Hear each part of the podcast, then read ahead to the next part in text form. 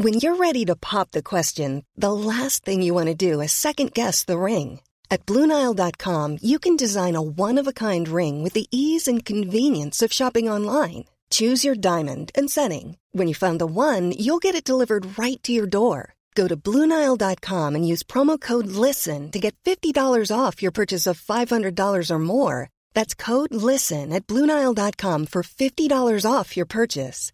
Bluenile.com code LISTEN. Ever catch yourself eating the same flavorless dinner three days in a row? Dreaming of something better? Well, HelloFresh is your guilt free dream come true, baby. It's me, Gigi Palmer. Let's wake up those taste buds with hot, juicy pecan crusted chicken or garlic butter shrimp scampi. Mm. Hello Fresh. Stop dreaming of all the delicious possibilities and dig in at HelloFresh.com. Let's get this dinner party started.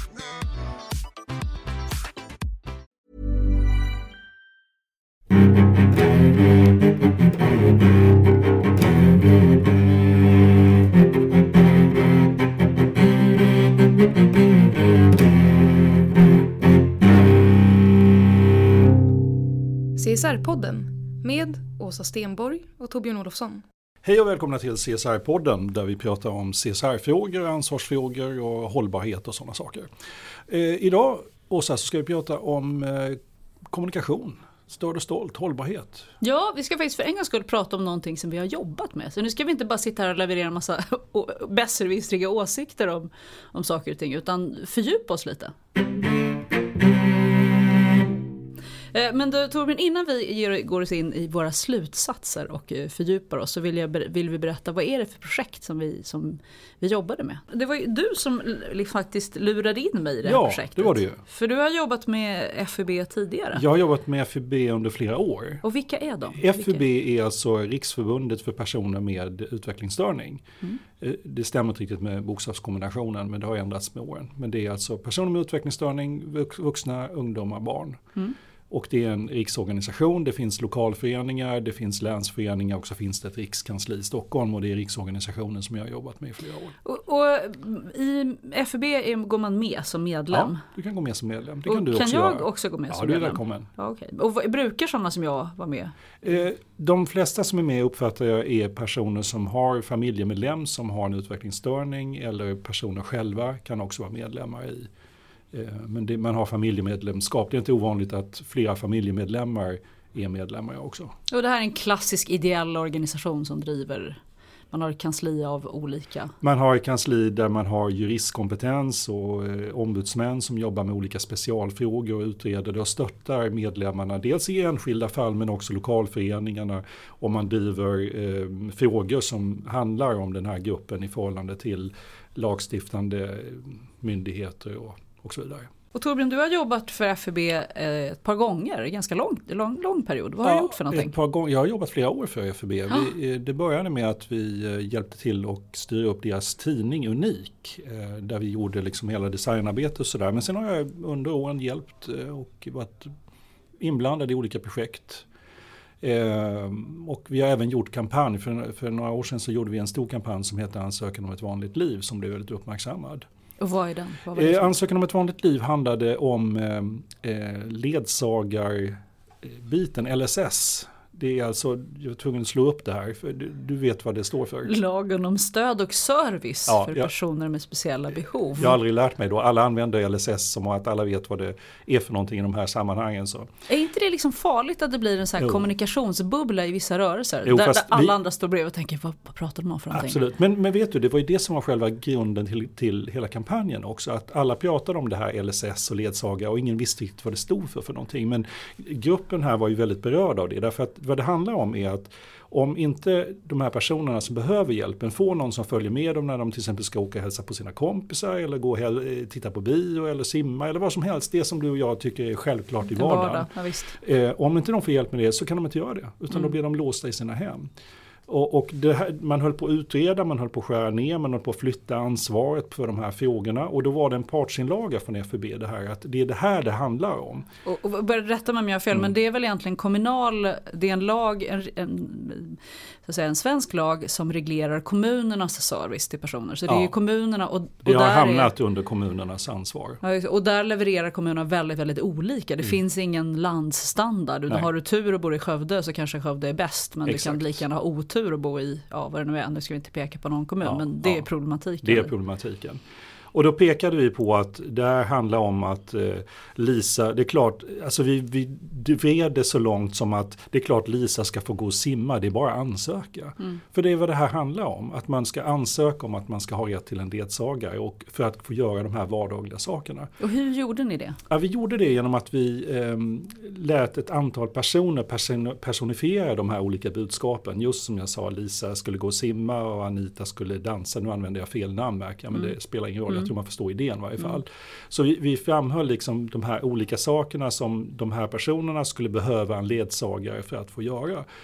Och, och eh, samtidigt så är det ett slags eh, snällhet så att det är bara ansöka. Det, det är liksom bara att skicka in ansökan. Men det är inte sant därför att det blir också avslag. Väldigt många av de här personerna får avslag på sina ansökningar. Och då jobbade ni med bilder ja. Eh, på personerna. Och ni gjorde zoomningar på bilder också om jag kommer ihåg Ja rätt. det gjorde vi i bioreklamen gjorde vi en inzoomning. Men framförallt så gjorde vi professionella fotograferingar av personer som var utvecklingsstörda och, mm. och gravt eh, alltså hade grava funktionshinder flera av dem. Så de satt i rullstol skulle absolut inte ha klarat sig själva. Eh, och det var ju otroligt spännande hela den processen. Dels att hitta de här personerna, dels att fotografera dem i en professionell studio och liksom att se hur allt i arbetet gick, fungerade. Det var ju vi som höll i det. Och, eh, eh, vi hade stor hjälp av Funky Models mm. när vi valde modeller. Så de jobbar ju med mm. personer med olika funktionsvariationer. Eh, och sen så hade vi en professionell eh, studio som heter Be Smart som tog själva bilderna. Och, det, och, och det mötet mellan fotograferna och personalen i studion och de här personerna och deras ledsagare var ju fantastiskt. Det var Hur då fantastiskt? Beskriv ja, men liksom det, var, det var liksom lite så här flera av de här som fotograf till exempel hade inte jobbat med den här gruppen tidigare. Och plötsligt kommer det in en person som knappt kan sitta rätt upp i sin rullstol. Den här fotografen ska liksom ta en, en bra reklambild. Det var inte så lätt att påsa liksom? Nej, det var inte så, kan, du skärp, kan, men, kan du räta ryggen lite? Ja, men, men det roliga är att då är ju anhöriga med, då är den här kvinnans syster med och säger men du, ryck upp dig, du måste ju skärpa dig, titta in i kameran nu lite. Så egentligen hade det funkat att säga ja, precis? Det, det var hade, bara att fotografen inte fattade riktigt? Eller de eller? lärde sig nog att, jaha okej, det här är ju en grupp som faktiskt, det handlar liksom om hur kommunikationen framförs liksom och vem som framför det ja. bara. Det, det, det, en annan intressant grej med det också var att um, det visade sig att väldigt många i teamet som var där hade ju ändå personlig erfarenhet. Ja. Sminkösen till exempel, ja. det visade sig plötsligt att ja, men hon har jobbat på gruppboende, hon, hon är jättevan vid den här gruppen, hon hade inga problem med det. Men det var inget hon hade sagt och vi, vi hade ingen aning om att hon hade den erfarenheten. Och det där är ju vanligt har, har, vi upptäckt när vi jobbat i, inom ramen för Större Stolt också. Ja. väldigt många har egen bakgrund och kompetens men det är inte den man framhäver. Nej, det och man inte som inte en kompetens. Till. Det var ju märkligt för att den här tjejen som gjorde sminkningen hon kopplade inte ens förrän hon var där och de började komma in och vi började prata med henne. Då plötsligt så sa hon, ja men nej jag har jobbat med den här gruppen jättelänge så jag är van vid det. Liksom. Men det var inget som hon hade sagt i samband med att hon knöts upp till det här uppdraget. Nej, för man ser det inte kanske som en kompetens. Jag tror inte man kopplar det. Liksom, det är två nej. olika lådor på något sätt. Och sen blev det en biofilm och det blev en tunnelbanetapetsering. Det blev tunnelbanekampanjer, det blev eh, digitala kampanjer, det blev eh, stortavlor. Och berätta och det... om kuverten. Eh. Ja, vi gjorde ju också en liten grilla-action som då distribuerades ut till alla lokalföreningarna. Där man stod på gator och torg och delade ut ett grönt kuvert. Ungefär, du vet det här pensions, orangea pensionskuvertet fast det här var grönt. Och hade rubriken ansökan om, eh, ansök, här kan du ansöka om ditt liv. Och då fick man en blankett i den och då skulle man fylla i själv hur ofta man ville träffa sina kompisar och hur ofta man eventuellt ville gå på restaurang och så vidare. Så skulle man skicka in den och få den godkänd eller avslagen. Supersnyggt. Det var ju lite för att sätta fingret på att ja, men det här tänker inte du på för att du sitter inte och planerar Nej. ditt liv på det här sättet. Nej. Men för de här människorna är det helt avgörande om man får det här stödet eller inte. Men sen blev vi engagerade i Störd och Stolt. Ja, och det kan ju du berätta lite grann om. För jag, du säger att jag lurade in dig i det men eh, Ja. du har ju varit med så länge så du kan i varje fall tydligt redogöra för vad Stöd och Stolt är för någonting. Ja, jag ska faktiskt säga när jag blev inlurad i det första jag gjorde var att titta på FUBs eh, hemsida. Vilket jag tycker är en av de coolaste hemsidorna jag har sett utifrån att de jobbat och utmanat sig till att göra den så enkel som möjligt. eh, Givet att de har en målgrupp som kanske behöver högre grad av enkelhet. Och egentligen behöver vi alla det. Men vi ignorerar det faktumet och så klantar vi till det. Så att det var Jag kan, vi faktiskt... kan säga att det är byrån Fostworks i Uppsala som har gjort ett fantastiskt arbete med det. Den enda jag kan ta åt mig är att jag hjälpte till att handla upp dem för uppdraget. Eh, de har gjort ett jättefint jobb och de, eh, FUB har ju också gjort internt ett jättestort fint jobb där, där man har gått ner på piktogramnivå för att förklara. Så att man har istället för att ha eh, vanliga sidor och sen så ifall du inte förstår dem så ska du klicka här så har man vänt på det istället. Utan det går in på den nivån att om du har problem att förstå vanliga sidor så, så ska du förstå den på en gång ändå. Ja, jag tycker, eh, om ni är lite nyfikna på snygga hemsidor eller på pedagogiskt bra hemsidor, som, där har vi mycket att lära. Den kanske inte alltid är så snygg, det är inte det som är Nej men det är själva inte det jag målet. menar. Jag menar inte snygg så faktiskt. Utan jag menar att den var enkel att förstå. Och eh, givet att vi ofta har kort om tid och man vill fatta något fort. Så är ju det en väldigt, väldigt bra poäng. Jag tror ju att i huvudtaget, liksom min övertygelse är att eh, svenska på en, enkel svenska. Det är ju egentligen det vi borde utmana oss med mycket, mycket mer i kommunikation. Därför att det verkligen får mig att sätta fingret på det jag vill säga. Det är ju ren tråkig gammal pedagogik. Och där tror jag att FUB är föredömlig i att man har kommit långt. I alla fall när det gäller specifikt hemsidan har man kommit långt. Nu ska jag berätta om Stöd och Stolt. Ja, Ehm, gör det. När vi drogs in i det så var det ett, det är ett lite så här eh, gott och blandat projekt kan man säga. Men det gemensamma för allting vi gjorde eh, och det är postkodsfinansierat eh, så det var ett begränsat tidsprojekt. Det var att ifrågasätta norm och att ifrågasätta norm med lite glimten i ögat. Vi hade också som målbild att vi skulle skapa oväntade möten. Och det gjorde vi dels genom att åka till Almedalen med två busslaster med FUB-medlemmar som kunde påverka politiker och ställa frågor till dem. Delade ut medaljer som hette Stöd och stolt-medaljen. Emblemet är ju liksom associerat till Nobelstiftelsen Snill och smak. Så det, det, hela Och även eh, upplägget. Black and Proud, va? Liksom det är lite Ja. där korta, Korta kontrasterande snyggt. namn, eh, begrepp som Kort och möts. snyggt. Vi jobbar ju tillsammans med Jesper Totti på FUB också som liksom står lite för kanske hitta det här som sticker ut. Ja, jag vill påstå att det var Jespers idé, själva namnet från början. Absolut, Faktiskt. Mm. Ja, så vill vi påstå. Ja. Vi vill påstå att det är så, vi håller med om det. Eh, Men det var, det var lite att sticka ut och det som jag tyckte var attraktivt i, i Stöd och stolt det var att våga sticka ut kring de här frågorna. Jag Mm. har ju jobbat mycket i mångfaldsfrågan en gång i tiden. Jag slutade när jag insåg att jag ville slå människor som inte förstod diskriminering. Ja men det var faktiskt precis så. Jag Ja.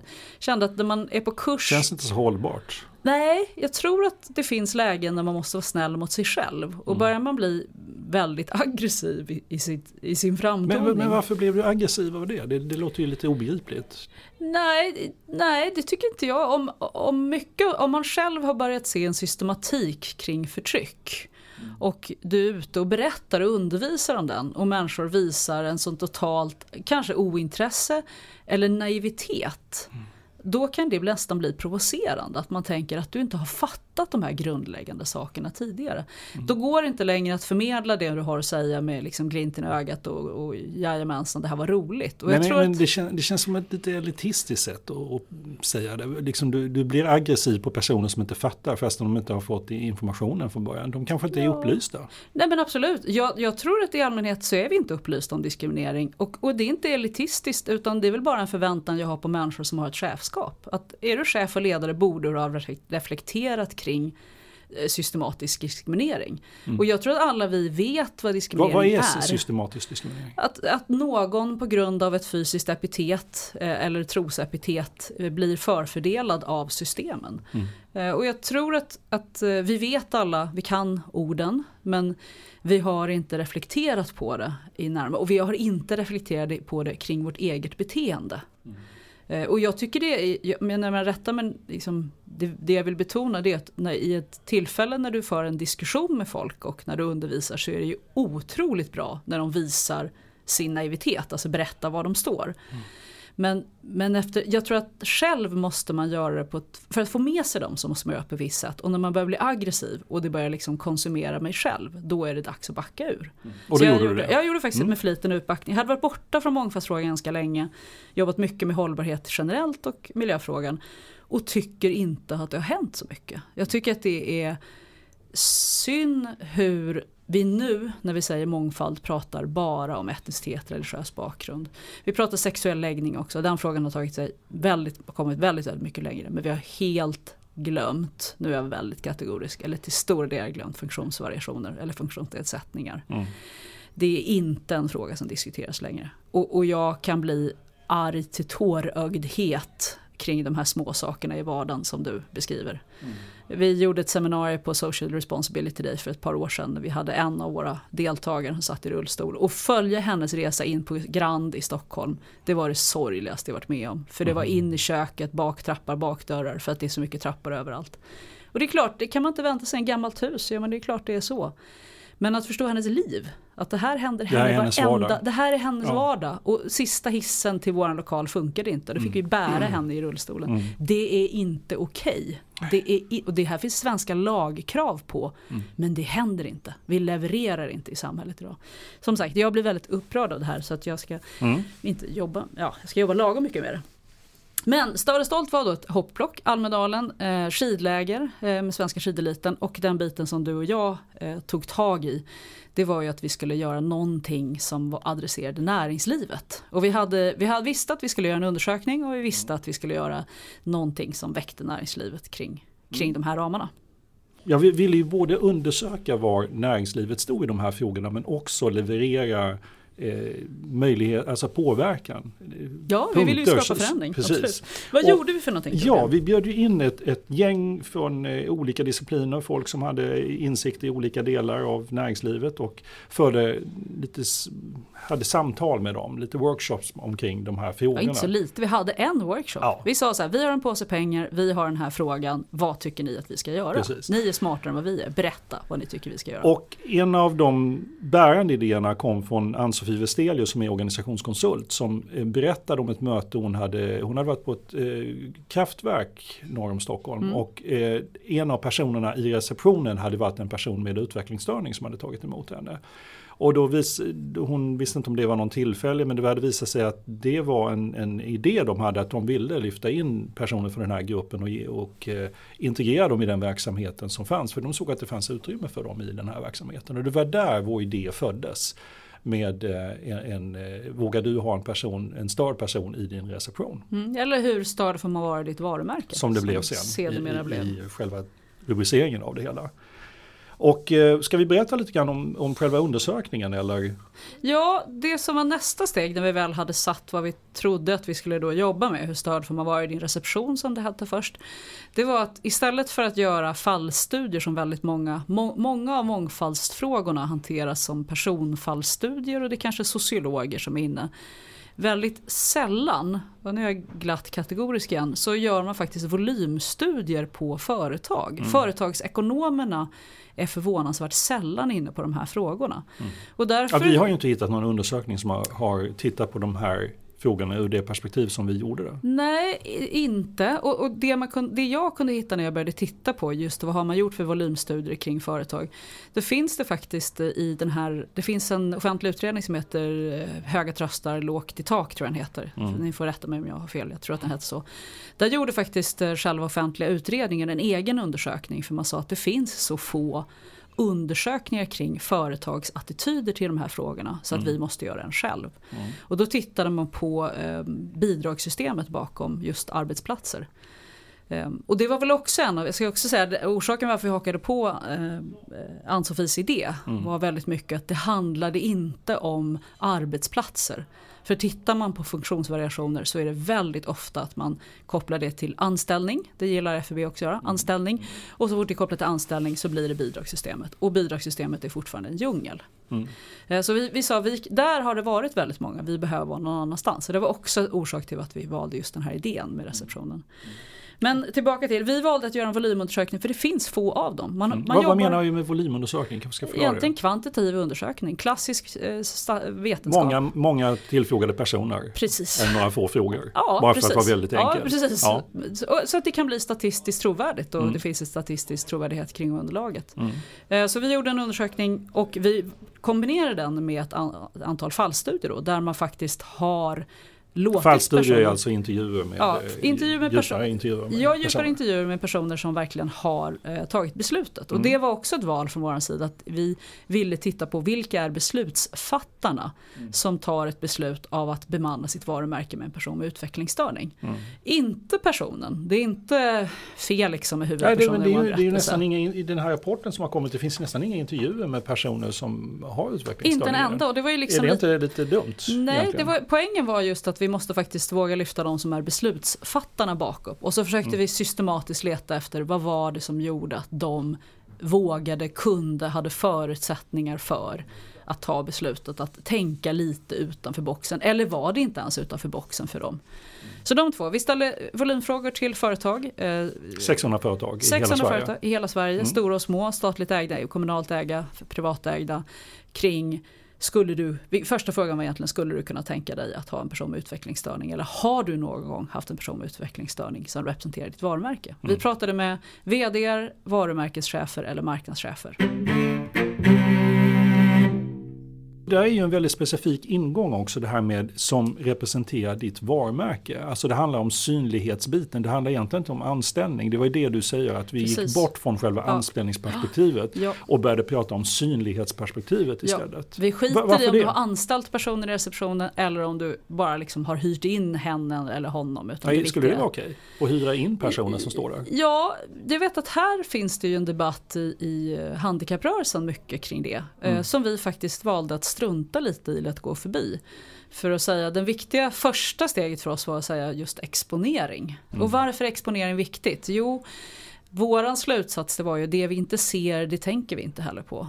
Out of sight, out of mind. Klassiskt i någon form. Det är låter en- så mycket bättre när man säger det på engelska. Ja. ja. Okej. Mm. Utanför synfältet. Ja, det förstår jag med Men, och det handlar om att, att om inte jag ser personer med funktionsvariationer så kommer jag inte heller tänka att de finns. Och då Mm. kommer jag automatiskt när jag jobbar inte designa varken produkter eller tjänster till dem.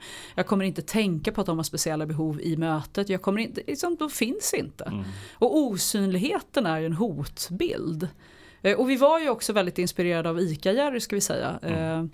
ICA stod nära det här arbetet och, och bjöd in dem till att sitta i styrgruppen också. Och det var ju utifrån att de hade blivit hjältar. Och de hade blivit hjältar för gruppen som är medlemmar i FUB. Mm. Ja, för jag tänker de blev så synliga. När vi pratar om det här så tänker jag så att många förmodligen tänker att men, nej men vadå, jag, jag, jag ser väl personer med utvecklingsstörning i, Nej. i reklam och sådär. Men om Nej. vi börjar fråga, ja, var då någonstans? Då kommer man att landa på ICA-Jerry. Och, och så kommer man inse att nej, det var kanske bara Mats Berlin som spelar ICA-Jerry. Ja, eh, alltså det är fortfarande eh, relativt ovanligt skulle jag säga med, med de här med, med funktionsvariationer. Och- Och, och du- etnicitet ska vi väl säga, där har det kommit hänt väldigt mycket men inte när det gäller, det är tillbaka igen. Det som har hänt sexuell läggning, etnicitet, där ser vi en rörelse men vi ser inte den på funktionsvariationer. Och när vi pratar om synlighet då pratar vi både om synlighet i, i marknadsföring, reklam och kommunikation. Men också i kundmötet, alltså i, i eh, receptionen och i eh, plocklagret. Också. Alltså inte att man är bakom ridån i lagret Mm. utan att man är synlig för kunderna och har kontakt med kunderna. Det var ju den biten vi var ute Mm. efter egentligen. Ja, och att prata med den här gruppen. Mm. Eh, att faktiskt prata med vd, marknadschef, varumärkeschef. Det var ju också ett hyss vi tyckte var hemskt kul. Mm. För vi trodde nog att de aldrig hade fått den här frågan förut. Nej. Att det här var ett nytt fält för dem. Men vad blev det av det här? Vi gjorde undersökningen och vi gjorde fyra fallstudier. Det Ja. finns en rapport så nu kommer Torbjörn säga var du kan få tag på den. Ja, du kan eh, gå in på www.stördochstolt.se. Störd och stolt utan ö. Eh, .se. Där kan du faktiskt eh, ladda ner hela rapporten och läsa den. Och den är lite glossy med flit. Vi gjorde den Ja, glossy med inte flit. när du laddar ner den som pdf för då ser den Nej, ut är som alla sant. andra. Men, Okej, men den om den är om den du får en tryckt varianten. upplaga så Ja, är den glossy ja. med flit. För att vi ville verkligen betona att det här eh, målgruppen som vi vill komma åt här är ju de som tar beslut kring marknadskommunikation och eh, bemanning Mm. utåt sett så att säga. Och rapporten heter Hur störd får man vara i ett varumärke? Vad kom vi fram till i rapporten? Nu får du aldrig mer säga det. Nu, nu får du inte säga varifrån du får den igen. Nej, Så, jag förstår nej. det. Vad, vad, är, vad, är sluta, vad blev... Eh, Alltså, här satt vi med två grytor. En Det var ju det här. fa- fallstudier och Vi volym. fick ju den här undersökningen och den satte väldigt mycket myror i huvudet på oss. Därför att vi, vi pendlade mellan att tycka är det här bra eller är det dåligt. 17% har erfarenhet, är det bra? Är det, är det Förklara bra? vad frågan var som satte myror i huvudet på Ja. oss. Vår första fråga var. Det var, har personer med lindrig utvecklingsstörning någon gång representerat ditt företag i kontakt med kund eller i marknadsföring? Ställde vi frågan alltså till vd, marknadschefer och varumärkeschefer. Och då svarar eh, 17% ja, det har, det har vi haft. Och, och där, gick, där hade vi liksom våra första eh, nöt att knäcka. För Ja. att vi trodde, eller jag ska säga jag trodde att det skulle vara oerhört mycket färre. Och jag ska ärligt säga, även idag när jag tänker på den här rapporten så har jag börjat säga sju. Men jag inser ju att jag fabulerar ju ner det för att jag trodde att det var Att det var lågt. färre. men Nej, 17 är ju- nej, nej sa 78 och det är lite intressant att vet ej sa 5 och vi trodde nog att vet ej skulle vara mycket större. Ja, För att ja. vi var inte säkra på Ja. att folk skulle veta om det var så eller inte. Men, men det, vi var överraskade över att 17% tyckte sig ändå minnas eller ja, hade en bild av att man hade eh, låtit personer med utvecklingsstörning representera varumärket. Så vi satt med vår volymundersökning som satte myror i huvudet. Vi hade fyra fallstudier och en sak som du stod väldigt mycket för i vår rapportskrivande det var liksom att vi skulle komma till konsensus. eller? Ja, att vi skulle komma till en slags eh, lista av rekommendationer. Att inte bara det blev den här eh, stora kvantitativa undersökningen och sen djupintervjuerna och ja, sen var det det. Utan att vi faktiskt skulle landa i slutsatser och rekommendationer. Här är tio hårda punkter om du vill börja jobba med de här frågorna. Och, och Torbjörn satt här i just det här rummet och sa vi ska börja med slutsatsen. Ja, ja. Och jag vet att jag och Anna Folkert som var med och skrev rapporten kände oss lätt gråhåriga. Bara, ja, ja, ja, ja, Torbjörn. Ja, men det, Men det gjorde vi faktiskt Ja, också. och det baseras, jag ska förklara det, det baseras för, av erfarenhet från, vi har hållit på under många år med e- etiska salongen där vi bjöd in olika talare. Och problemet när vi bjöd in forskare, det var att de hade fantastiska slutsatser, otroligt spännande resultat. Men var börjar de? De börjar med att definiera avgränsningen för sin forskning och den tar ungefär tre kvart. Och när de är färdiga så har alla i rummet somnat. För, för det blev på en ganska detaljerad och ganska jobbig nivå. Och, och vi har fortfarande inte förstått vad är det som är intressant med det här då, med de här avgränsningarna. Så att jag tyckte vi skulle lyfta fram det som var eh, essensen ur det hela. Det skulle vi lista direkt. Och sen får man liksom fördjupa sig efterhand som man blir intresserad av de här frågorna. Det var tesen. Det var lite så här peda- pedagogiska ambitioner verkligen, Mm. måste jag säga. Och vi hävdar ju då att det här är ett recept, alltså det är en, en tiopunktslista Ja. för, eh, som vi menar är för företag, organisationer, ideella organisationer, vem som helst som känner att jag vill nu våga ta steget in att avvika. Eh, vi har fokuserat på utvecklingsstörning och det är där vi ligger, men vi tror nog att den här tiopunktslistan skulle kunna fungera för vem som helst som vill börja sticka ut i sättet i sin marknadsföring eller i kundmötet. Och så har vi tio dilemman och tio förslag på lösningar. eh, Där vi hittat både dilemman och lösningar faktiskt i eh, de här, både volymundersökningarna och i fallstudierna. Just det. Och eftersom de är väldigt många så, så ska vi inte vi inte rabbla oss igenom dem. oss Då kan man gärna läsa rapporten Torbjörn har berättat var så kan ni dra tillbaka och lyssna på det om ni vill. Men vi har tagit ut ett varsin favorit eller varsina favoritkluster av de här råden. Vad vill du framföra som din favorit Torbjörn? Alltså, jag vill nog framhålla den sista punkten som kanske låter lite banal men som heter överanalysera inte, bara gör det. Därför att det där är lite klon när vi sen har fortsatt. Vi har haft mycket seminarium och möten omkring det, det här. Och återkommande är att för väldigt många människor så är det lite grann en aha-upplevelse omkring det här. Att de har inte tänkt tanken tidigare. Att man skulle kunna göra på det här sättet. Och nästa steg i den tanken blir direkt, men det verkar svårt. Alltså det, det, det, det är en massa komplicerade och det kommer vara, och tänk om man trampar fel, tänk om man säger fel ord i en intervju med P1 och så Det blir navelskådande Ja. liksom. Det här vågar vi, vi måste nog tänka lite till. Ja, Ja. och, och när de som vi intervjuade som har gjort det, de, de är ju väldigt tydliga med att ja, men vi bestämde oss och vi bara körde. Och så fick det bära eller brista och det, och det bar.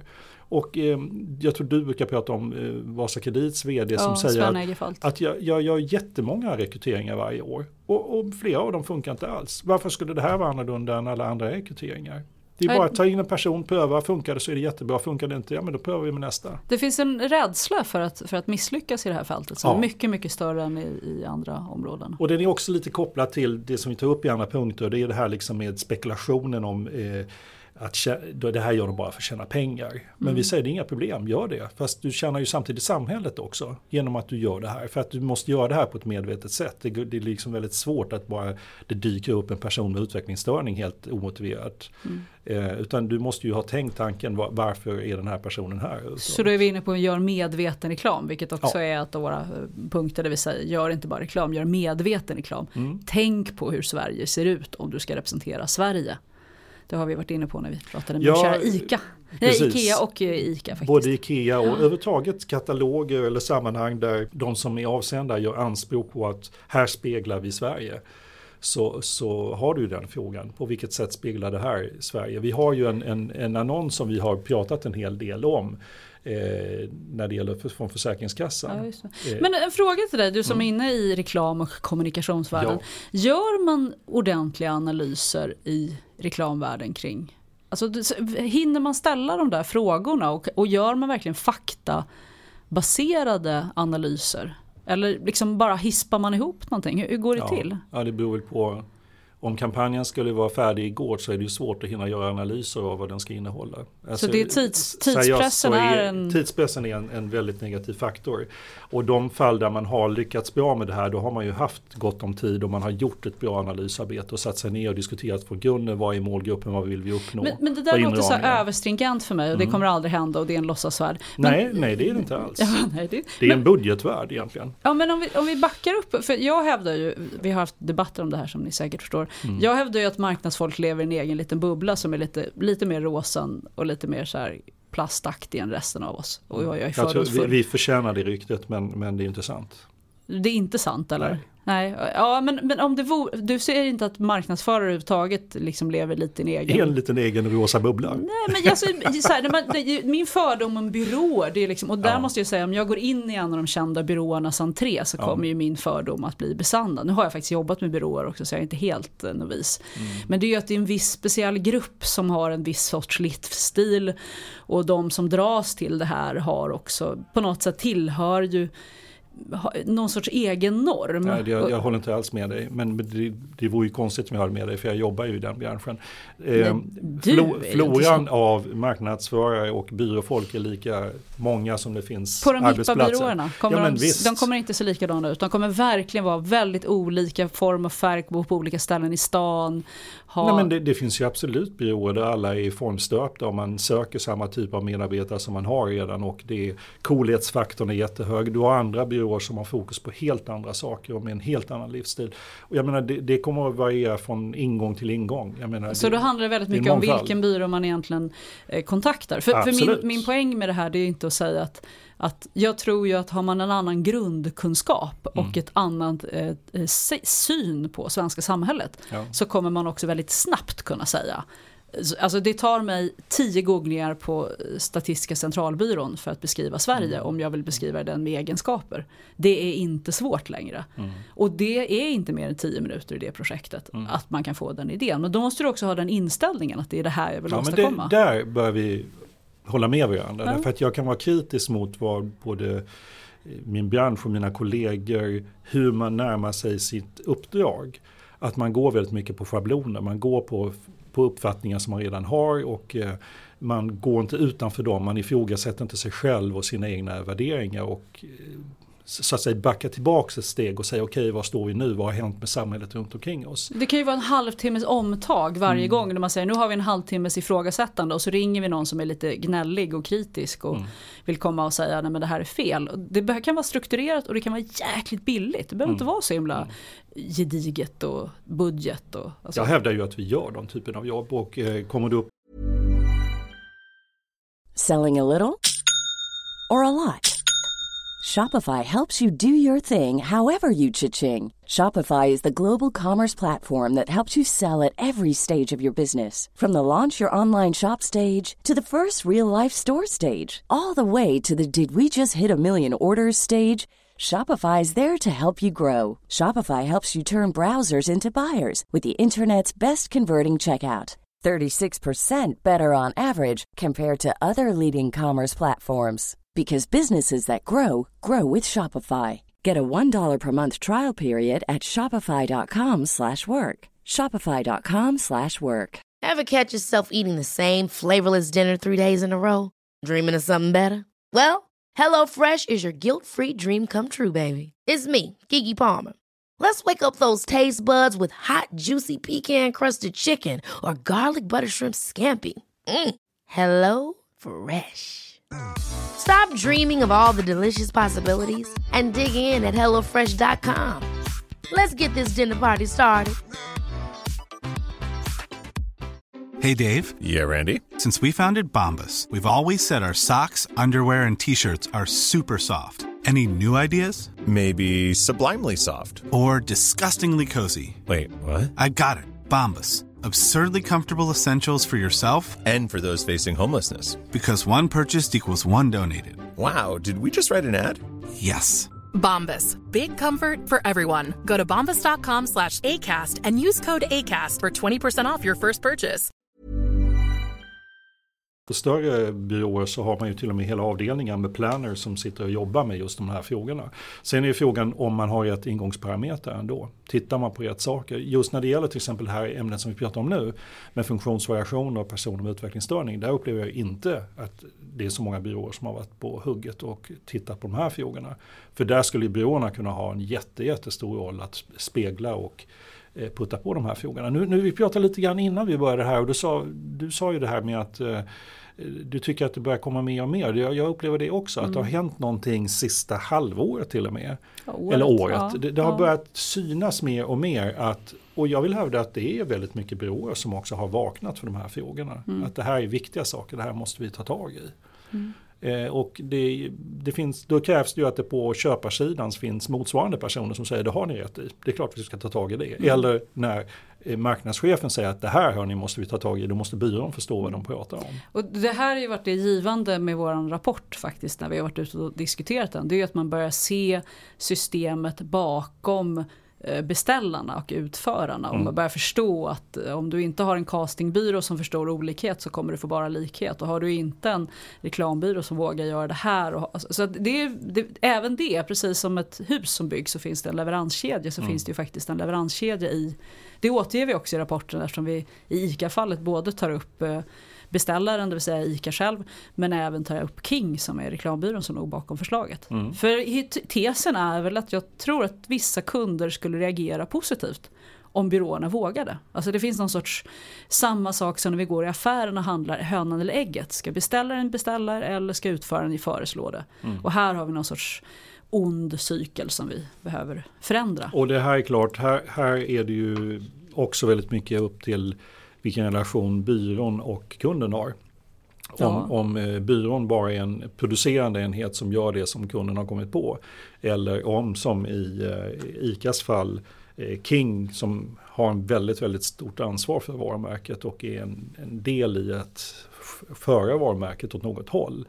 Så har man ju helt andra möjligheter att påverka det än om man bara är en utförande part. Eh, om, man vill lyssna, om man vill lyssna lite grann mer om det här så har vi faktiskt också en, en som jag nu lagt upp en, ett poddinslag med Teddy Falkenek. Som pratar om hela den här historien med hur ICA Jerry skapades och eh, bakgrundsresonemangen omkring det. Väldigt intressant historia. Ja, och intressant därför att på något sätt så landar vi ju att det här tror vi är marknadsförarnas, eh, st- stor del av marknadsförarnas hållbarhetsarbete. Sen var Teddy väldigt rolig att prata med utifrån massa andra eh, aspekter också.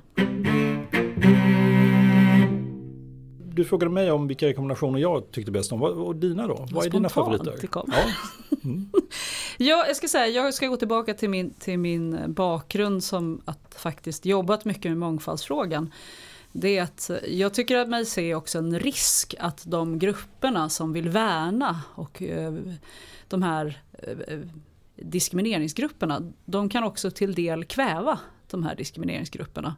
Eh, Därför att man i sin omtanke, och det, nu går vi tillbaka till mänskliga rättigheter, det handlar om att värna svagas roll i samhället, vilket är otroligt positiv grundtanke.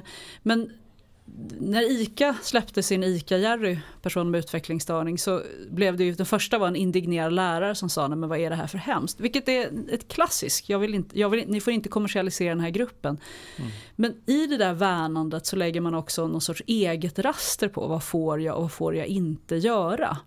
Mm. Och det finns ett starkt, på något sätt, jag, jag är tveksam till att använda ordet moraliserande, men det är ju ofta människor med stor, som kan bli väldigt indignerade, man har ett stort mediautrymme, man kan stiga fram och säga ni gjorde helt fel. Eh, och det gör ju att många inte vågar gå ut på mångfaldsscenen. Man vågar inte vara lite utanför ramen för då kan man få väldigt stora mängder skit av väldigt, väldigt medialt starka individer. Mm. Eh, och det där tror jag till del hindrar att folk vågar sticka ut och säga lite dumma saker eller testa klart, ja. våga och, och idag det här. mer än någonsin när, när du har sociala pöben som också kan Absolut. sätta fart mot dig Absolut. och angripa Det går dig. ju väldigt, väldigt fort när det händer någonting. Mm. Eh, vi, vi, säger, vi rekommenderar våga vara politiskt inkorrekt och vi hamnar också på det här med ord därför att många gånger när man jobbar med mångfaldsfrågan, nu är vi tillbaka till om jag säger vi ska krama träd så förstår alla vad jag menar med träd. Mm. Men när jag pratar om person med utvecklingsstörning så kommer någon säga men jag vill inte heta utvecklingsstörd. Jag vill heta eh, mentalt handikappad eller funktionsvarierad eller rullstolsbunden, buren, bög, homosexuell, samelapp. Kommer det massa andra begrepp. Alltså det är alla de här, det, det är en begreppsdjungel. Och mm. vi när jag var mångfaldskonsult så vet jag att jag var påläst kring de här och jag visade min status genom att gå ut och visa det. Mm. Så jag kunde ju i en debatt... Du kallade alla hen? Ja, det fan, hade inte kommit riktigt Aha, då. Okay. Men nu, nu, skulle du ha gjort det? Wow. ja, nej men alltså, det, jag, det var ett sätt att visa status och det var ett mm. sätt att visa att jag kunde min fråga. Det var att också kunna alla de där orden som ett... Är, är det här viktigt då, de här orden? Ja, både ja och nej. Eh, mm. Jag ska säga faktiskt både ja och nej. Jag tycker att det är viktigt därför att det ofta handlar om att de grupper som man jobbar med, de har ju rätten att sätta sin eget epitet, eh, bestämma sig vad, vad ska man kalla oss för. Mm. Men vad man ofta ser det är att de här grupperna, om man nu ska kalla dem som grupper, tycker inte samma sak. Men det gör ju att, att eh, och, och jag, jag ser att i när vi ska ifrågasätta vårt, våra egna normer, då krävs det nytänkande. Vi behöver komma till ett hen. Och vi måste börja prova att använda hen, för det gör någonting med mig när jag faktiskt inte säger hon eller han utan jag säger hen. Så att orden har en viktig innebörd, men orden får inte hindra andra från att delta. Nej. Och det är där jag tror att vi som är hållbarhetskonsulter eller jobbar med mångfaldsfrågan måste liksom begränsa oss lite och utgå från att vad är din intention mm. när du säger fel? Vill du bara vara med och göra en bra sak, då måste vi faktiskt krama dem och inte slå dem och visa våran status. Mm. För det är snarare där det har varit. Mångfaldskonsulter är jättebra på det här med att visa status och, och liksom förskjuta någon för att du använder fel ord. Och, och, och, rörelsen är oerhört bra på alltså det också. Handikapprörelsen pratar du om? Alla de här rörelserna är ju ja. bra på det. För det är en av deras kärnfrågor och kärndiskussioner. Jag tror ja. att vi måste komma förbi det till del. Och, och, men samtidigt så förstår man ju också, det finns ju, om vi säger så här, eh, funktionsnedsättning ja. har ju en tydlig negativ klang. Det är en nedsättning, man fokuserar på det som gör att du inte fungerar 100%. Funktionsvariationer är ju plötsligt att ja, du, i vissa sammanhang kanske du kan fungera 100% till och med. Därför att arbetsuppgifterna och sammanhanget lirar helt perfekt med dig. Men du kommer, placeras du i ett annat sammanhang så kommer du få stresssymptom och då kommer du inte klara jobbet. Du kommer, du kommer fungera inte bara helt okej, okay, det kanske kan fungera väldigt bra med en funktionsvariation. Ja, eh, och, och, och vad är norm kommer ju också bli en diskussion. Så, absolut, och, så då kan man ju säga att, att funktionsvariation är ett otroligt mycket trevligare ord än funktionsnedsättningar. Så jag, jag håller med, så ja. orden spelar roll men vi får inte använda orden orden som barriär. Nej, så förstår. att om någon säger så här, men du är funktionsnedsättning, så här, Va, kan du inte det ordet? Nej, nej, nej, Och då men, underminerar vi den här personens ja, förmåga att våga prata om det. Och här tror jag många företag fastnar, företag och mm. organisation, för man vill, vill, inte upp på den där scenen. Man nej. vågar inte gå upp på den där scenen och börja tycka och tänka. För det kommer komma grodor. Mm. Eh, om du inte liksom 100% fokuserar på ditt sätt att jobba. Mm. För det är svåra frågor. För till exempel när vi pratar om utvecklingsstörning så diskuterar man ju också väldigt mycket, man, man gillar inte riktigt ordet störning. Det var ju det vi också ville ta fasta på med mm. stöd och stolt, mm. att vrida om ordet, återerövra ordet och ladda det med någonting annat. Men istället för att prata om utvecklingsstörda så pratar vi där personen är sin störning. Utvecklingsstörda. Mm, så mm. pratar vi alltså om personer med utvecklingsstörning. Och det var det är en förskjutning. Ja men det var ju en av de sakerna som vi fick läxa på av Jesper Absolut. från början. Ja. Vi sa ju personer, eller vi sa ju utvecklingsstörda, nu har vi, liksom, nu har vi mantrat in det här Ja. personer med utvecklingsstörning. Men exempelvis Frank som var med och, och gjorde kampanjen eh, ICA, jag vet ju att han, jag har hört honom själv säga ordet utvecklingsstörda. Mm. Alltså han, och han säger ju i något sammanhang att det, det är inte det viktiga, Nej. det du är inne på. Utan det viktiga är attityden och vad man, lägger, Mm. vad man har för sin, alltså attityd bakom. Intentionen bakom. Intentionen det, bakom det, är är där det är vi, det är där vi, nu får jag vara vi med, med gruppen då, vi måste faktiskt våga se intentionen och till del skita i ordet. Och sen får man själv diskutera med sig själv hur mycket måste jag korrigera min omgivning om jag nu tycker mig veta ett bättre ord. Eller ett bättre innehåll. Men, men nu, nu tar jag ett steg här som blir väldigt känsligt. Jag har äldre släktingar som plötsligt kan häva ur sig ordet neger. Mm. Och eh, jag håller på att trilla baklänges varje gång. Och då så säger de här personerna, ja, ja, ja, jag vet att du inte gillar att man använder det, men det, det, jag menar ju inte det som du tror att jag menar med det. Nej, men varför säger du det överhuvudtaget? Ja, därför att de kommer ifrån en ålderskontext där man liksom inte hade de värderingarna och laddningarna kring orden. Men, men i det fallet håller inte det längre. Jag, jag, jag kan inte köpa det. Så Liksom. man måste uppdatera sig menar du? Ja, man måste uppdatera sig i ett samhälle där samhället har gått vidare och sagt det där är inte okej längre. Men nu är vi tillbaka, borde inte du istället eh, liksom ta Krama intentionen? den personen och säga jag Nej, men- gillar dig ändå och det gör jag ju. Ja, nej men alltså problem. ta intentionen bakom. Därför att, för att, jag menar igen, jag, vet, jag är inte helt, jag är faktiskt, det beror ju på i vilket sammanhang du är. Mm. När din äldre släkting säger det här, är inte hon eller han, hen, Hen, är inte vi säga. representant för en hel rörelse. Utan hen försöker förmedla någonting med ord. Och vi vet att ord har värderingar och på något sätt så är det intressantare att faktiskt lyssna på dina om, om hen sa neger som en med mening av ett nedsättande, då kunde jag Fast reagera. det där håller inte tycker jag. Därför att det finns ju nedplöjt i vår kultur gamla förlegade uppfattningar där de här sakerna där man faktiskt menade det man sa. Ja, men- det. Och negerboll, tror- varför måste man kalla ja, det för men, negerboll? ja men nu går du igång. Men nej, tror, nej, nej. men tror det, du, det, det går lika bra med Ja, chokladboll ja, eller veteboll. tror du att din äldre släkting Mm. menade som ett nedsättande? När hon eller han säger det här. När, han- när hen Ja, sa att det här bli är så ett, politiskt ett, korrekta ett så att vi nästa- negerjobb så, så är det ett slags epitet för den personen. Men den personen står inte för de värderingarna, det vet jag, som det låter som. Ja, Men- och, då blir jag så här, nej men, nej men det är klart att det är inte bra. Alltså det är ju inte bra utifrån att hen skulle gå runt och säga det hela tiden. Men, men på något sätt blir Mm. Man, man också... kan tycka att vi hamnar på stickspår men, men lite grann handlar det om det här. För att genom att förskjuta det bara ska man peka lite på, det är ju samma sak, att folk blir så oroade över det här med utvecklingsstörning, utvecklingsstörda. Tänk om jag säger fel, det kanske bättre att vi inte gör den där satsningen överhuvudtaget. Ja, jag, men jag, jag tror verkligen att Mm. det är förlamande. Jag tror att det är kraftigt förlamande och jag tror verkligen att det hindrar människor från att våga stiga in. Och jag tror att vi måste faktiskt, om man skulle ha någon sorts tumregel, vara ett snäpp mer toleranta. Och sen med glimten i ögat, och nu är vi tillbaka till att vara arg eller ha glimten i ögat, säga jaha men det kanske är negerjobb, kanske är lite förlegat och kan väl kanske hoppa över negerbollen. Inte så lite heller. Liksom. Och, och jag menar, sen säger jag inte att man alltid måste vara glad, det vill jag inte heller påstå. Man kan vara väldigt arg, ilska är bara ett vackert sätt att vilja förändra världen. Så jag gillar ju egentligen ilska, men, men det gäller verkligen Men, att vara men just i det här fallet så förordar du att kramas. Ja, lite. Nej, sen kan man ju bli arg också. Nej, men du förstår vad jag menar. Det handlar om att vi ändå måste få det gjort. Det Ja, viktiga är faktiskt, nu är vi tillbaka igen så här, det viktiga är inte vad vi säger, det viktiga är inte vad det står överallt, det viktiga är faktiskt vad vi gör. Så om du kallar personer för utvecklingsstörda men lyfter in dem och gör dem synliga i din reklam, Kör, då är det bra. kör. Okej, då har vi pekat ut lite våra favoritpunkter av den här 10-punktslistan som vi inte ska räkna upp hela. Men du, den första punkten, det är ju egentligen den som vi satte medvetet först för vi tyckte den var den kanske bärande och mest viktiga punkten. Och det är se marknadspotentialen i osynliga grupper. Ja, för du svarar ju på frågan, vad gjorde vi med de här 17 procenten då som svarade ja, det har vi gjort. Vi trodde det skulle bli färre, det blev 17 procent och vi satt med huvudbry och eh, rynkade pannor och förstod inte riktigt, jaha, då skulle alltså ja, nästan två av, närmare liksom 1,7 av 100 skulle alltså, eller av 10 skulle ha gjort det här. Det var ju jättekonstigt.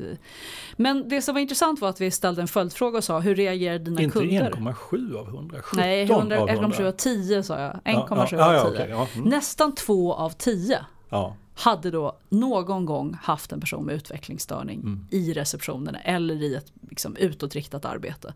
Det tyckte vi var ovanligt högt, Ja, var alltså, överraskande högt.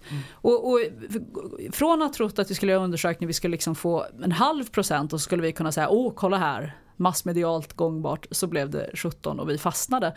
Men det vi sen såg det var att vi ställde också frågan Du som har gjort det då, bland de 17 procenten som har haft en person med utvecklingsstörning i kundmötet, hur reagerade kunderna på det? Och det som var väldigt roligt att se det var att en stor, stor majoritet hade fått en positiv kundreaktion. En grupp visste inte vilken reaktion de hade fått, det var oftast mindre bolag. Men en väldigt stor grupp hade fått en, tyckte att kunderna eh, tyckte att det var jättebra. Och våran klo i hela rapporten var egentligen att det här är ju en fantastisk framgångsväg. Och vi vet också att ICA har fått, blivit hyllade för sin reklam. Vi vet att Fredells har fått ledarpriset för mångfald.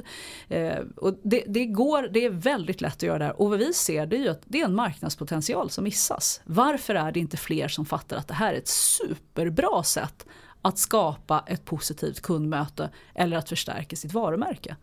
Så det är ju en förlust att inte ha förstått mångfaldsfrågan eh, i det sammanhanget. Så det blev liksom, det är hela klon. Och våran tes, det är ju våran liksom första slutsats, det är ju att mångfaldsfrågan allt för ofta hamnar på fel bord. Det handlar, eller fel bord. Vad är fel bord då? Nej, det, var, det var fel mig att säga fel bord. Ja. Det handlar på eh, det, HR-chefens det, är ju, bord. det är ju ett ur den här synvinkeln. Ur, Ja. ur det här synvinkeln så är det fel bord. Ja, därför det handlar väldigt ofta, det man säger, ja jobbar med mångfald, ja då får du prata med vår personalchef. Därför att det är personalfrågor. Och, och varför blir det, om vi säger, varför är det fel bord? Då? Ja, vi är tillbaka med att, att då ser man just mångfaldsfrågan som en rekryteringsfråga, vilket är i och för sig i vissa bitar korrekt. Vi hamnar i det, i det vi började prata om, där man just handlar om stöd och liknande. Och kanske inte just hur, hur träffar vi våra kunder? Hur stärker det här vårt varumärke? och Nej, det är och- väl den klassiska, jag skulle säga, det här är den klassiska hållbarhetsdilemman. Det är att många av de här frågorna isoleras liksom i en liten låda någonstans. Istället för att bli en integrerad del av hela verksamheten. Och de här, många av de här eh, vd, marknadschefer eller varumärkeschefer som vi pratade med, var ju, de hade jättemycket åsikter. Vi hade ett alternativ till frisvar och det var nästan, ja inte alla, men väldigt, väldigt många hade något att säga när vi väl kom till frisvaren. För att man var väldigt engagerad. Och det här var en, en relativt att säga, positiv grupp. De ville väldigt mycket. Är det inte också en förskjutning att på, när det hamnar hos HR-avdelningen så blir det mest ett problem? För det, det handlar liksom om hur ska vi få den här personen att passa in i vår arbetsmiljö? Vad kan den här personen? Vilka begränsningar? Hur ska vi kunna ta hand om det här? Alltså det är väldigt mycket fokus på det genomförandet. Medan om, om personen skulle komma in via vägen varumärket så är det mycket mer fokus på möjligheterna. Ja, jag, jag, jag håller med dig till del. Jag, jag tror verkligen att eh, Vilken del höll du med om? Ja, det sista delen, att varumärkesfolk och marknadsfolk tror jag är mer positiva och möjlighetsfokuserade. Jag tror inte så många marknadschefer är väldigt duktiga på att räkna mycket risk. Liksom, utan man vill, man vill blå- blåsa framåt istället. Så det är för att de är naiva som det är lättare att komma in där? Då? Nej, det tycker jag inte. Jag tycker absolut inte det handlar om naivitet. Utan det handlar om att se möjligheter av det man har. Så att, och det är ju, tror jag, liksom personepitet, nu, apropå bubblor. Jag tror att personalchefer är ju mycket mer riskminimerande. Man är lite mer försiktig. Man kanske inte är en högstatusgrupp i, i företaget. Personalchefer är ju, liksom, det har alla bolag, men det är kanske inte de som är liksom mest prestigefulla rollen att ha. Jag tror marknadschefer är lite mer prestigefulla, får lite större budgetar kanske till och med. Eh, jag tror att det finns personalchefer som är väldigt duktiga på att jobba med mångfaldsfrågan på ett föredömligt sätt och som verkligen kan se kompetensbaserad eller kompetensbaserat perspektiv på människor. Inte epitet utan eh, men det finns nog också väldigt många som man vill man var på den säkra sidan. Man vill inte göra en felrekrytering. Man vill inte chansa liksom överhuvudtaget. Det är men, farligt. men det känns ju som match in heaven här. Det borde ju vara marknadschefen och HR-chefen pratar med varandra över lunchen och kommer överens om att satsa på det här. Då har vi ju löst hela problemet. Och nu är vi tillbaka, det är en integrerad mångfaldsfråga. Och det finns säkert så att man skulle kunna ha mångfaldsfrågan på många fler avdelningar. Eh, Vi har ju fortfarande drömmen om hållbarhetsavdelningen på ekonomisidan. Att man skulle ha, placera sin hållbarhetsavdelning hos ekonomichefen. Det hade jag tänkt var det absolut roligaste. Jag har inte sett det hända än, men om det är någon som känner till någon som har det så tipsa oss för det är spännande. Ja, för din tes är att hållbarhetsavdelningen ligger på kommunikation eller? Nej, hållbarhetsavdelningar traditionellt hamnar lite olika och det beror lite på vad du har för verksamhet såklart. Det finns en logik, är du ett producerande bolag så är det ofta kvalitet och hållbarhet tillsammans eller miljöfrågor, hållbarhet. För att du också har en mycket, mycket mer reglerad Kvalitetsansvarig hamnar lätt på den frågan. Ja, därför att du också har, det är lagstiftning. Det är, det är systematik och det är lagstiftning och det är reglerande. Och, och, och då är det, ligger du i produktion. Eh, på vissa ställen så hamnar man i kommunikation för man kanske ser att det är mer kundperspektivet som, som driver. På andra ställen hamnar du i en stabsfunktion i allmänhet. Jag tror att du även kommer hitta mångfald, eller hållbarhetsavdelningar på personalsidan. För man anser att det här är vårt rekryteringsperspektiv. Så den stoppas ju in på väldigt olika ställen. Mm. Men du, vi ser fler exempel på normifrågande reklam. Ja, Normifrågasättande vi sa ju det, reklam. att vi, ja. vi börjar se allt fler som gör det. Vill du dra några exempel? Vilka har vi sett? Ja, vi, vi, vi har ju det görs egentligen hela tiden ur olika aspekter men det som vi har sett i sen tid som vi har pratat om lite grann det är Åhléns till exempel som rent eh, där det är könsöverskridande reklam med. Man har väl klätt upp eh, Jens heter han. Ja, det var inte kombinerat kända människor och könsöverskridande innehåll. Ja, ja okej. Kända Det är människor. ju fantastiskt. Ja. Du gillar den eh, reklamen? Ja. Nej, det är jag som gillar den kanske. Ja, Jag tycker den är väldigt bra. ja. Jag, jag, tycker att det, jag tycker att all reklam som känns mer relevant. Jag, förut tyckte jag det fanns en era av att reklam skulle ha humor. Eh, och det var roligt. Eh, och det är fortfarande bra med humorreklam. Men, men när reklam bidrar till samhällsdebatt då intresserar den ju mig otroligt mycket mer. Så i, i en jämförelse så säger jag nog att ja, men då är den intressant. Sen är jag generellt inte så intresserad av reklam egentligen. Nej. Måste jag erkänna. Jag, und, jag systematiskt försöker undvika reklam i mitt liv men jag lyckas ju inte för det är väldigt svårt att göra. Men... Mm, är, jag tror det är väldigt många som känner på det sättet. D- där har vi också haft en diskussion om det här med utifrån om reklamen kan förändra saker i samhäll, samhället och i samhällsdebatten. Eh, eller om den bara är en spegling av det som pågår. Och jag vill ju hävda det senaste. Att reklamen sjösätter egentligen väldigt sällan nya tankar. De kan upplevas nya i reklamspråket. Men egentligen så speglar de bara det samhälle de är eh, avsända ifrån. Mm, och jag avfärdar det där argumentet som så här otroligt teoretiskt för allting finns redan på jorden så att det kan, liksom, det kan, man, det kan man säga om vad som helst. Och på Mm. Men något jag, sätt så jag är- avfärdar nog det argumentet med att det är Att alldeles för generellt. Ja, men jag ska säga så här, jag, jag tror att, att, eh, jag tror att eh, reklam, bra reklam, eller reklam som görs med ett tydligare syfte kan accelerera en förändring. Och jag tror att det som är positivt nu det är att vi ser en accelererande kommunikation kring hållbarhetsfrågan och miljöfrågan. Absolut därför att det finns en trend, men det här blir ett moment 22, vad föder vad? Och, och i, kanske kan det vara, om vi går tillbaka till Body Shop som använde sina fönster som reklampelare. Det var inte produkterna som var Body Shops kärna i, i hållbarhetsarbetet när eh, Anita Roddick startade utan det var faktiskt aktivistbitarna som var hennes kärna. Det var att använda skyltfönstren på ett helt annorlunda sätt. Då var det ju faktiskt grymt innovativt. Och det var väl, ja absolut, det fanns ju aktivister tidigare men de hade inte varit i skyltfönstren med Anita Roddick. Det hade de inte varit. Så jag kan nog säga att jag tror verkligen reklam kan accelerera och trycka på en förändring. Eh, Det, det tror jag väldigt, väldigt absolut. Men den startar sällan. Det, det är Ja, inte, men då det blir det sen navelskådande Nej, fast jag, jag tycker det är viktigt att se det liksom. Eh, Men det, vi har lite olika åsikter om det bara. Vi får tycka olika. Ja. Du, eh, jag har ett annat exempel också som vi är väldigt stolta över. Det är ju Polarn och Pyret. Ja. Som gjorde ju en kampanj i somras där man hade tagit med två barn som hade utvecklings... Ett barn.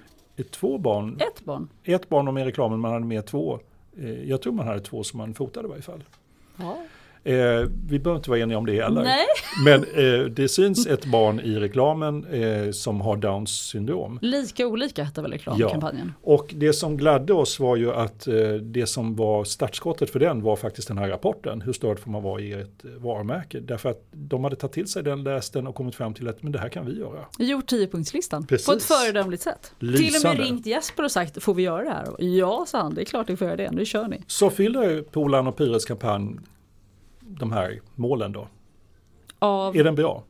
ja, jag tycker, jag är tillbaka, jag tycker verkligen att den är bra. Jag tycker att den är, den är inte stor och det tycker jag Polarn och Pyret själva beskriver när de säger när vi väl fick idén så var det så självklart för oss att göra det. Därför att det passade så nära vad vi ville göra för någonting, eller vad vi är.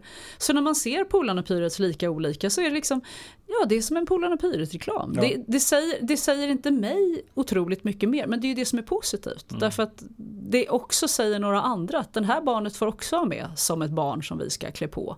Och därvid så är den väldigt, väldigt bra.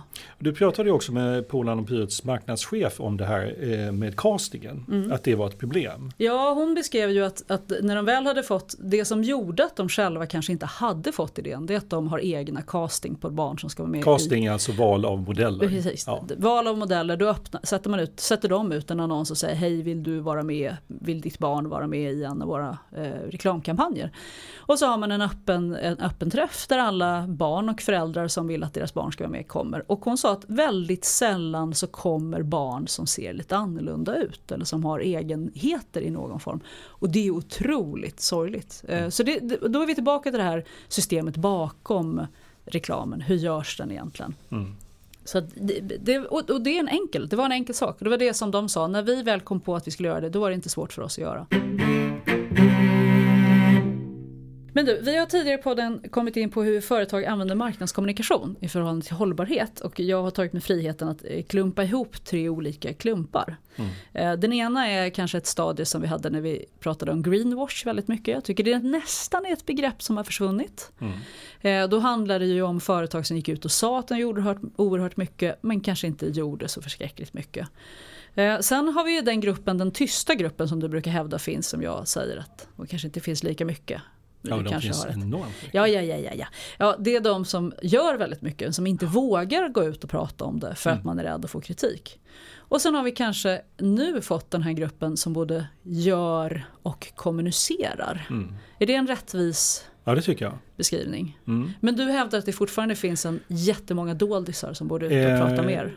Min upplevelse är att det finns jättemycket företag som gör väldigt bra saker men man är otroligt osäker på hur man ska integrera det här i sin vanliga reklam. Och man har en tendens att se det som att ja, men vi gör en liten punktinsats med det här. Här kan vi kommunicera ut lite grann att vi är rätt duktiga på de här frågorna också. Men man går inte så långt som man tänker att det här ska bli en integrerad del av vår reklammarknadsföring. Det är självklart att vi ska liksom visa var vi står i de här frågorna.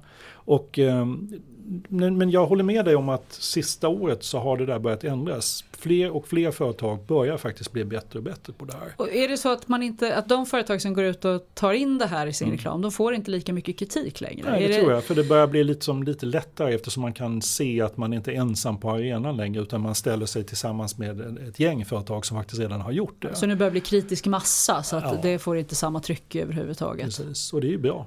Jag tycker ju det är väldigt bra. Ja, jag tror det, absolut det är en att det är något. enorm potential och en, en väldigt, väldigt bra sak för affären. Eh, om man vågar ta de här frågorna och eh, vågar visa upp var man står i dem. Det, det är naturligtvis en vattendelare för det kommer inte vara så att alla älskar det. Det kommer finnas folk som tycker att det där är värdelöst. Jag kommer aldrig mer köpa produkter från det där företaget. Men det är en risk man får ta. Jag tror inte ens att vi är där heller längre. Jag tror att, att marknadsföring kring hållbarhetsansvar eller ansvarsfrågor kommer att bli en inbyggd bit av vad reklam kommer att vara. I en tid, om man nu ska se någon sorts konsumtionstendens, så, så ser man väl nu att vi allt mer handlar det vi vill identifiera oss med. Varpå värden som ansvar inom ramen för varumärket till exempel blir viktiga frågor på ett helt annat sätt. Så jag tror att vi, vi är på väg mot ett läge där vi verkligen behöver, alltså man behöver betona de här frågorna. Eh, Och sen så är väl är väl det, det svåra det är att den allra bästa reklamen det är ju den reklamen som handlar om det du gör. Inte egentligen, det är kanske där jag vänder mig emot Åhléns eller jag blir lite såhär ja Åhléns reklam är väl bra men. Alltså, då skulle jag verkligen fundera kring, det här handlar ju inte om Åhléns, det handlar om en normifrågasättande diskussion. Men, men hur mycket? Och Hur, vi, jag är inte med, hur menar du? Den reklam där man gör? Nej, men, Alltså där man, där man har någonting bakom? Man du, har någonting bakom, man kombinerar en reklamkampanj med någonting man faktiskt har ställt om och någonting man står för och någonting man har gjort. Då blir det så oerhört mycket Mm. Men säger mer inte det intressant. emot det som vi har pratat om att, att man skulle kunna tänka sig att använda personer med utvecklingsstörning till exempel i reklam även om man inte har en massa personer med utvecklingsstörning anställda?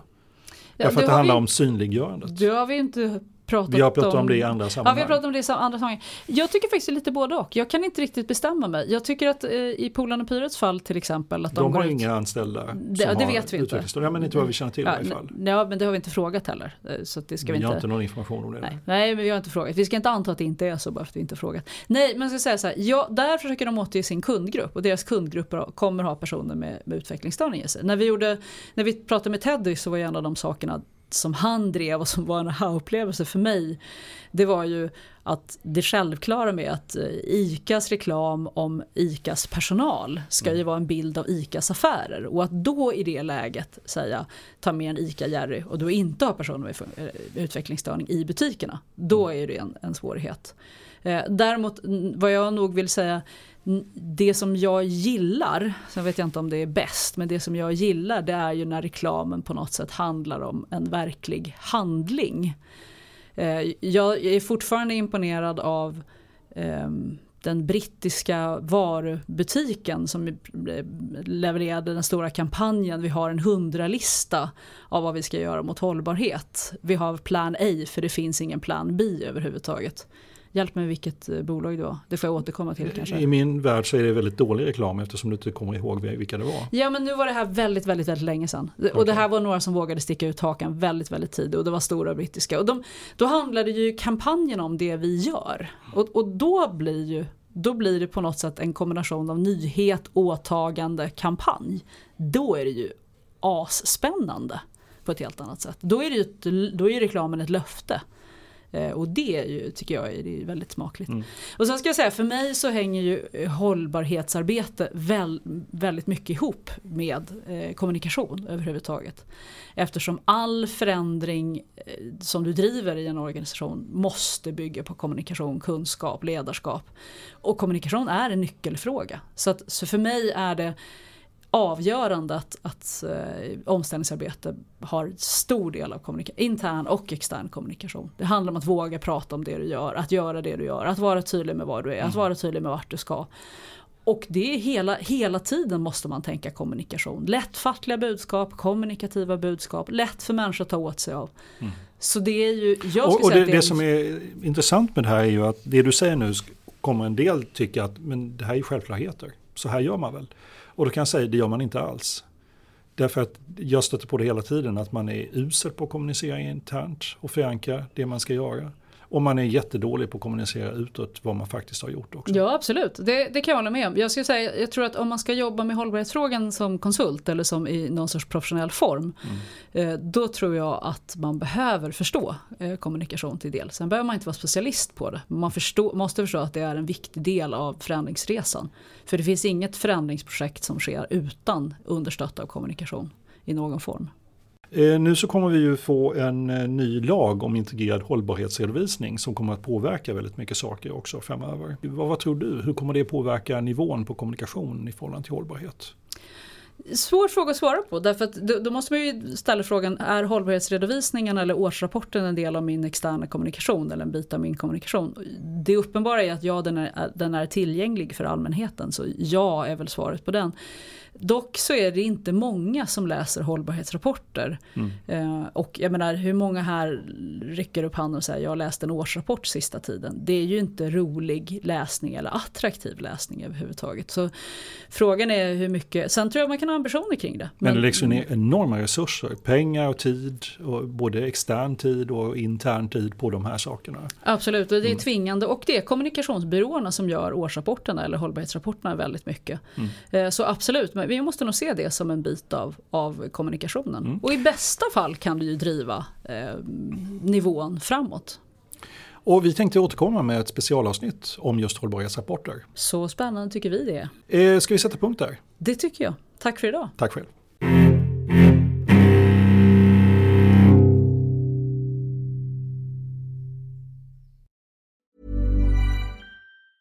Hey, it's Danny Pellegrino from Everything Iconic. Ready to upgrade your style game without blowing your budget? Check out Quince. They've got all the good stuff shirts and polos, activewear, and fine leather goods, all at 50 to 80% less than other high end brands. And the best part? They're all about safe, ethical, and responsible manufacturing. Get that luxury vibe without the luxury price tag. Hit up quince.com slash upgrade for free shipping and 365 day returns on your next order. That's quince.com slash upgrade.